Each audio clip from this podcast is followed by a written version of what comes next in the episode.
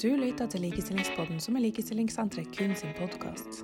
Dette er episode tre i en serie av totalt fire som handler om eldre og seksuell helse. Jeg er Linn Braseth Gulliksen, redaktør, og med meg i studio i dag så har jeg Nantje Fischer. Nantje Nancy Fischer heter jeg. Uh, jeg er postdok i helsepsykologi og jobber på Psykologisk institutt ved Universitetet i Oslo. Uh, og i fjor så leverte jeg min avhandling som omhandlet eldres seksuell helse. Eldres seksuelle helse det vektlegges vel kanskje litt mer nå enn det gjorde tidligere, men fortsatt så er det jo sånn at helsevesenet ligger litt etter når det kommer til tematikken. Ja, jeg ville kanskje ikke bare si at helsevesenet henger etter når det kommer til eldres seksuell helse, men også når det gjelder eh, seksuell helse til befolkningen generelt. Og eh, selv om det finnes veldig mange pasienter som kan ha behov for sexologisk veiledning og behandling, så er det rett og slett at helsevesenet ikke um, imøtekommer de, disse behovene. Og det er jo på en måte veldig eh, problematisk, fordi mange eh, sykdommer, også behandling av sykdommer, medisinering eller kirurgiske inngrep, kan da påvirke sexlivet i negativ retning.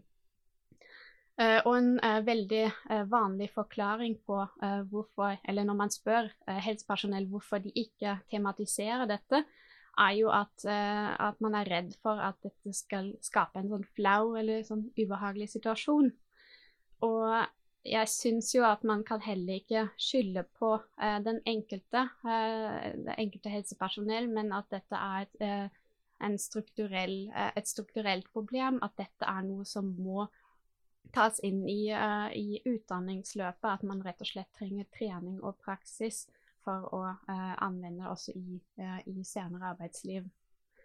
Og For noen år siden så gjorde vi en studie som um, baserte seg på medisinstudentenes intensjon til å ta opp seksuelle problemer med pasientene sine. Så vi var interessert i kommer du til å si noe om dette når du er ferdig utdanna lege.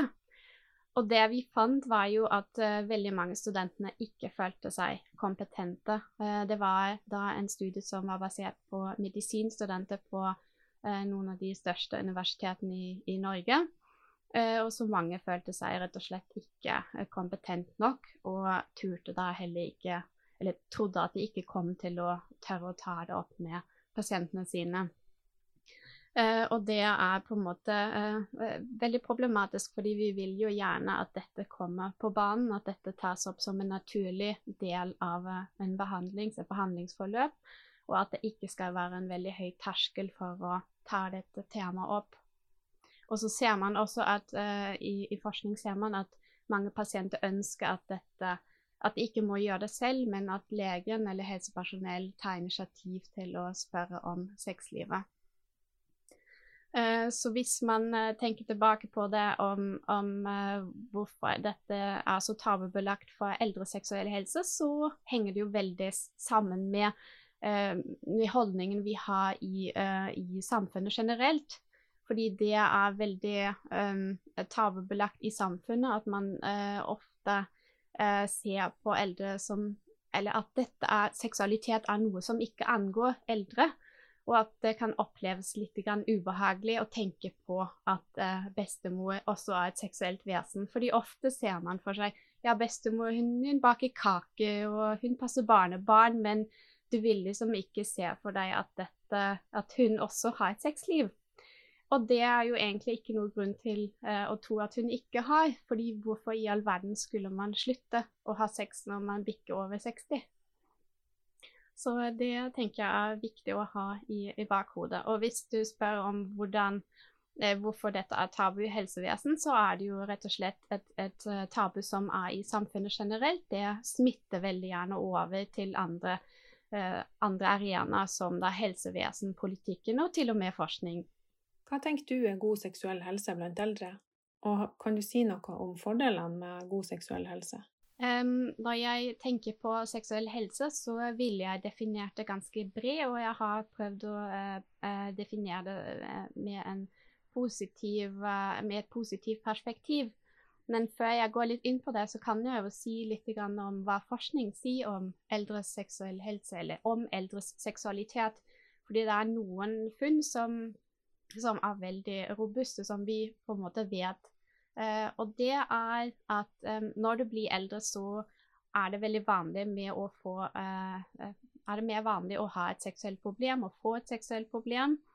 Og et seksuelt problem kommer ofte ikke alene heller. Hvis du har ett, så har du gjerne også en til. Det kan jo være uh, hvis du har problemer med reisning, så mister du lysten å ha sex, eller omvendt.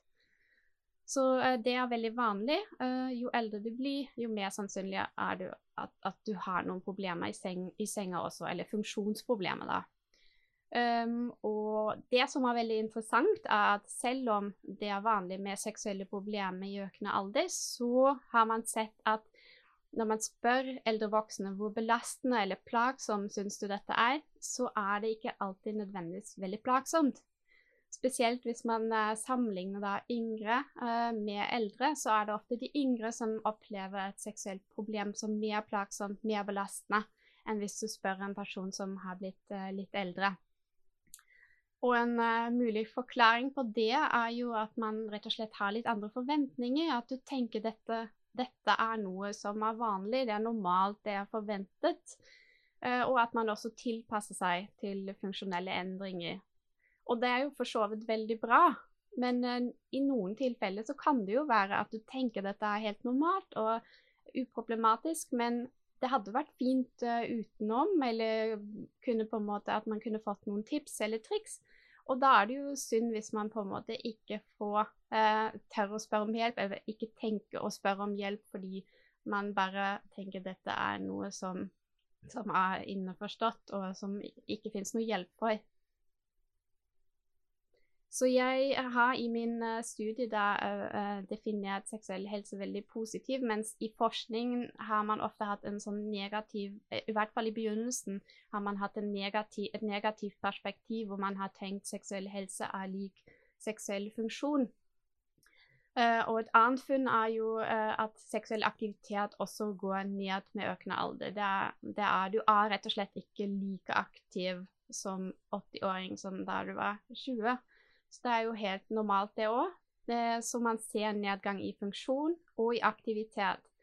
Men det som er veldig morsomt eller spennende, er at eh, hvis du spør er du fornøyd med sexlivet ditt, så finner du ikke nødvendigvis en nedgang. Så selv om det er nedgang i funksjon og aktivitet, så kan du være veldig fornøyd med, eh, med hvordan du har det akkurat nå.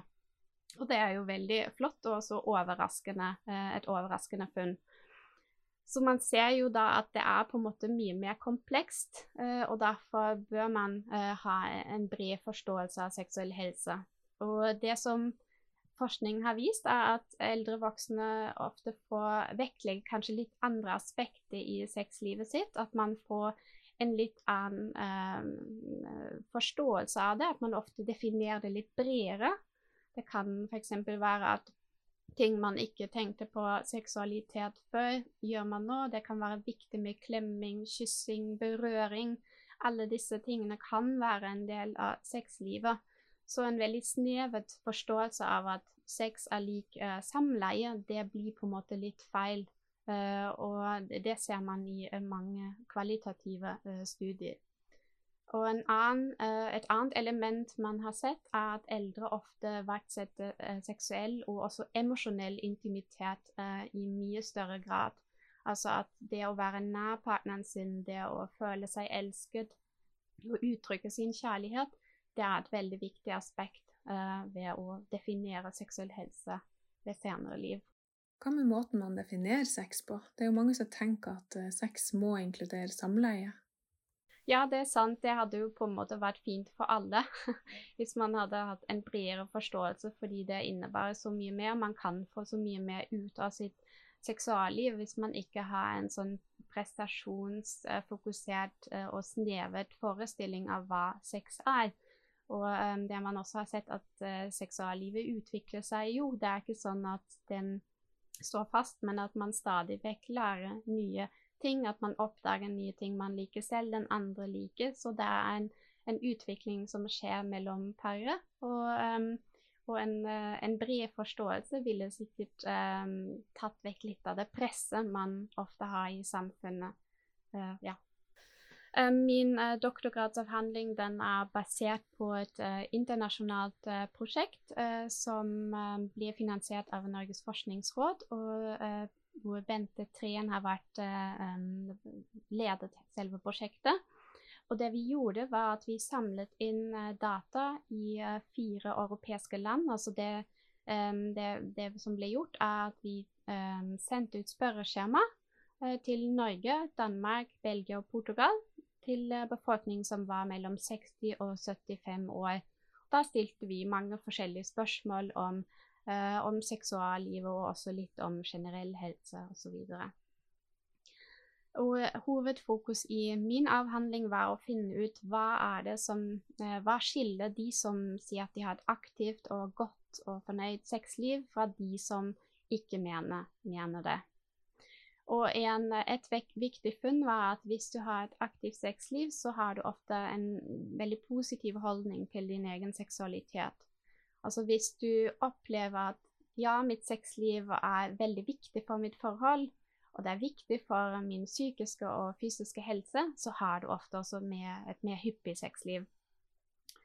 Uh, en annen faktor er jo det at man har en, en, frisk partner. Så hvis partneren ikke har seksuelle problemer, er det også fordelaktig for din egen seksuelle frekvens. Det sier jo litt seg selv at man har mer muligheter når uh, begge er friske. Um, og en annen funn var det med uh, intimitet, og vi har funnet at har du følt deg veldig nærme partneren din, både emosjonelt, men også den seksuelle nærheten eller intimiteten du har underveis, den er veldig viktig for hvor tilfreds du er med sexlivet ditt. Og det har vi jo også sett i mye annen, annen forskning. Men det er et relativt nytt funn. Uh, og så har vi funnet uh, um, at dersom du er um, ulik hverandre, så er det ikke så veldig bra for tilfredsheten. Og det gjelder kanskje ikke bare eldre voksne, det gjelder også yngre. Hvis den ene har veldig mye lyst, og den andre har veldig lite lyst, og du opplever at det er en stor variasjon eller stor forskjell, så er det uheldig for hvor tilfreds du er med sexlivet ditt. Fordi er du lik på denne fronten, så du, føler du deg ofte nærmere partneren din. Du har hyppigere sex, og du er også mer tilfreds. Eh, på hvilken måte tenker du at eh, helsepersonell kan tilrettelegge for eldres eh, seksuelle helse? Ja, først og fremst tenker, jo, tenker, jeg jo at ansvaret bør ikke ligge på den enkelte, men at det bør skje en systemendring, at dette tas inn i utdanningene. Men for den enkelte som er ute i felt, så tenker jeg kan det være uh, en, en, god fokus å stille åpne spørsmål, altså at man ikke tenker på seksualitet som vaginalt samleie, men at man har et åpent spørsmål dersom man tar det opp. At man tar utgangspunkt i pasientens forståelse av hva dette innebærer, Eh, en annen veldig viktig fokus vil jo være å unngå at man eh, tenker at alle er eh, heteronormative. At det er veldig viktig å ikke lukke en samtale ved å spørre om hvordan går det med kona di eller mannen din, men at man har rett og slett kjønnsnøytrale um, begreper som man bruker å åpne spørsmål, sånn at man ikke, um, ikke uh, lukker samtalen idet man stiller et spørsmål. Og en annen ting jeg tenker som kan være uh, en flott uh, tilnærming, som kan åpne tillatelse til å ta opp temaet seksuell helse, kan jo rett og slett være å ha sånne tegn i, på legekontoret, på sykehus, som eh, Det kan være en flyer som, med eldre voksne hvor det står 'snakk om det', eller som på en måte inviterer til samtalen. Rett og slett at pasienten får eh, få et hint om ah, dette kan jeg faktisk snakke om, dette er ikke et sånn et forbudt tema. Eh, så hvis man, eh, hvis man har noe mm, et problem som har vært liggende lenge, og man er veldig usikker, så kan det på en måte gi en siste push til å faktisk tørre å ta det opp. Og annet, eh, en annen ting kan jo også være å ha en liten pride-flagg på, på, døra, eller bare på en måte åpne opp for mangfoldet. Eh, ja. Kan du si noe om seksuelle hjelpemidler? Ja, det tenker jeg er jo på en måte ikke noe forskjellig fra uh, yngre. Hjelpemidler er jo veldig velkommen. At man bruker dildoer, glidemiddel, alt mulig. Spesielt det med at et vanlig problem er tørrhet i skjeden når man blir eldre. Så er jo et veldig enkelt hjelpemiddel er jo rett og slett eh, glidemiddel.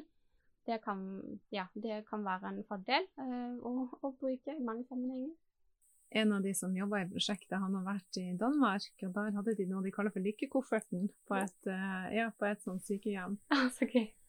At det var med, med seksuelle hjelpemidler. Da. Ja, det er jo kjempeflott. Ja. ja. Det hadde jo vært et fint initiativ. Ja, det ja. hadde vært en, en, god idé til, til norske, norske, institusjoner, kanskje. Ja, ja, absolutt. Og jeg tenker det kan jo være at uh, terskelen er litt høyere at når man er eldre, at uh, det å gå på en butikk eller også online-shopping kan jo kanskje ikke være for alle like, um, like vanlig. Um, ja, uh, å, å, ha sånne initiativ som en lykkekoffer kan jo være en fin tilnærming. Uh, ja, hvordan problemstillinger kan man møte på i forhold til eldre og seksuell helse? Jeg tenker jo det handler mye om eh, at sykdommer blir jo mer vanlig når du blir eldre. Det, kan, det, er jo vanlig med de folkesykdommene, og mange av disse vet vi har en negativ innvirkning på seksuell helse eller den seksuelle funksjonen. Eller at det kan også være medisin man får for den, denne sykdommen, eller mot denne sykdommen. Det, kan, det er f.eks. Eh, hjerte- og karsykdommer, det er diabetes, og det er også kreftsykdommer alle disse sykdommene er jo ganske utbredt. De blir mer vanlige når man blir eldre, og man vet at de har en negativ innvirkning på seksualfunksjonen. Eh, det andre er jo at fysiske kirurgiske inngrep kan eh, påvirke seksualfunksjonen negativt. At man kan på en måte ødelegge noe vev som kan skape problemer. Um, ja, Og så har vi jo det med um, at når noen må flytte inn i en, uh, i en, institusjon, så er det jo veldig problematisk med hvordan seksualiteten skal håndteres. Her er det veldig mye usikkerhet. Uh, at rett og slett uh, manglende privatsfære. demens er jo et veldig stort tema. Hvordan skal man håndtere dette når en person ikke helt um, ikke gjenkjenne kona si lenger, prøve å tilnærme seg seksuelt en annen beboer eller helsepersonell. Her er det veldig mange problemstillinger som er en reell virkelighet for mange eh, som jobber i helsevesen, og det er viktig at det finnes gode retningslinjer, og at de eh, enkelte personene får hjelp med hvordan de håndterer dette. Jeg tenker det er, det er, ekstremt viktig at uh, utdanningen på en måte ikke er for teoretisk, men veldig praksisnær. I hvert fall på de helse, um, helseutdanningene, eller for helsepersonell som går ut i praksis, som faktisk jobber med pasienter, at man vet hvordan håndterer jeg denne situasjonen, fordi det kommer til å skje. Og du må jo gjøre et eller annet. Det kan jo være at du håndterer det med å ikke si noe, uh, og um, Eh, og, og taushet er jo et veldig sterkt virkemiddel. Det er jo ikke nøytralt i det hele tatt. Hvis noen spør om det, og du på en måte blir rød og ikke snakker om det, så kan det oppleves som veldig farlig. At det er sånn en person som først tør å spørre om det, at den aldri åpner opp om det igjen, for det var så ubehagelig. For det sender jo et signal at dette er så farlig. Det kan jeg ikke snakke om med fastlegen min engang. Hvordan kan vi bidra til å bryte tabuer når det gjelder eldre og seksuell helse? Ja, jeg tenker jo at det er det vi gjør nå. At uh, Å gjøre det synlig, normalisere seksualitet. Og det er jo kjempeflott at det har kommet litt på agendaen nå. For det er jo virkelig på tide. Så synliggjøre det er en veldig viktig faktor. Fordi seksualitet er jo ikke synliggjort i media ellers. Ikke i filmer, ikke i reklame. Så det er jo veldig tabubelagt nettopp fordi det ikke er um, snakkes om, man ikke tenker over det. Så uh, sånne prosjekter hvor man uh, synliggjør det, er veldig viktig, tenker jeg. Et første skritt i riktig retning. Og så har jeg en liten hjertesak også, at jeg tenker um, man må alltid huske på uh, at, um, at man ikke skaper en ny stereotyp eller et nytt narrativ hvor seksualitet er på en måte likestilt med helse. fordi nå bruker vi begrepet seksuell helse, og det kan fort også eh, bli den motsatte kontrasten, at eldre kan oppleve at det er noe press på at hvis du ikke har sex, så kan du ikke være så kan, så kan, du ikke oppleve full helse, eller du kan, du kan ikke være lykkelig. Alle disse um, uh, at, at, det kan på en måte oppleves som, um, som, at du må. Og det er veldig viktig å huske på at man ikke skaper uh, en ny press og sammenligne dette med, med helse, da. Selv om det har helsefordeler, så må det på en måte ikke bli sånn. Nei, skjønner. Det er absolutt veldig viktig. Men når de sjøl ønsker det, så Selvfølgelig. Og så hvis de ikke ønsker det, så vil det jo være like god seksuell helse selv om du ikke har et aktivt sexliv. Mm. Det vil jeg absolutt si. Du kan ha god seksuell helse uten å ha sex. Ja. Mm. Um, og det å ha en god seksuell helse, da, uansett hvordan man, hvordan man har den, med seg sjøl eller med andre, det gir også ja, økt livskvalitet. og Kan ja. du si litt om det? Ja, ja, det vet man jo at uh, man har sett at uh, det å ha uh, seksualitet og være aktiv, det har veldig mange helsefordeler. Det gir økt livskvalitet. Det kan også være en buffer. Og det er jo veldig viktig å huske på at når du er i en vanskelig livssituasjon hvor du har en sykdom, så kan seksualitet være et fristed. Det kan være et sted hvor du på en måte får, får um, frirom fra å være syk. Du kan være deg selv med partneren din. Du kan nyte det. Du kan få nye krefter til, uh, til å mestre livet ellers. Så det er veldig mange positive sider, og man burde på en måte tenke på alle de um, fordelene man, uh, man, har ved å ha et aktivt sexliv. Men blir det sånn at uh, det blir på en måte primærbehovene som blir dekt? i, at samfunnet generelt tenker at de eldre, da, når de blir mer pleietrengende eller sånn, da, at det, det, blir mer fokus på primærbehovene, mat og drikke og medisiner. Så kommer seksualiteten litt i Ikke med litt i andre rekke, men ganske langt bak. Ja, det er sant. Det er, det er nettopp som om det blir bortglemt. Eller jeg vet ikke om det er fordi man ikke ønsker det, eller fordi det er vanskelig å få det til. Um, ja, det er på en måte ikke helt på agendaen, tenker jeg. Uh, og så må man jo huske på at seksualitet handler jo ikke bare om den partnerrelaterte seksualiteten, det handler også veldig mye om egen nytelse. Og det har jo de aller fleste muligheten til.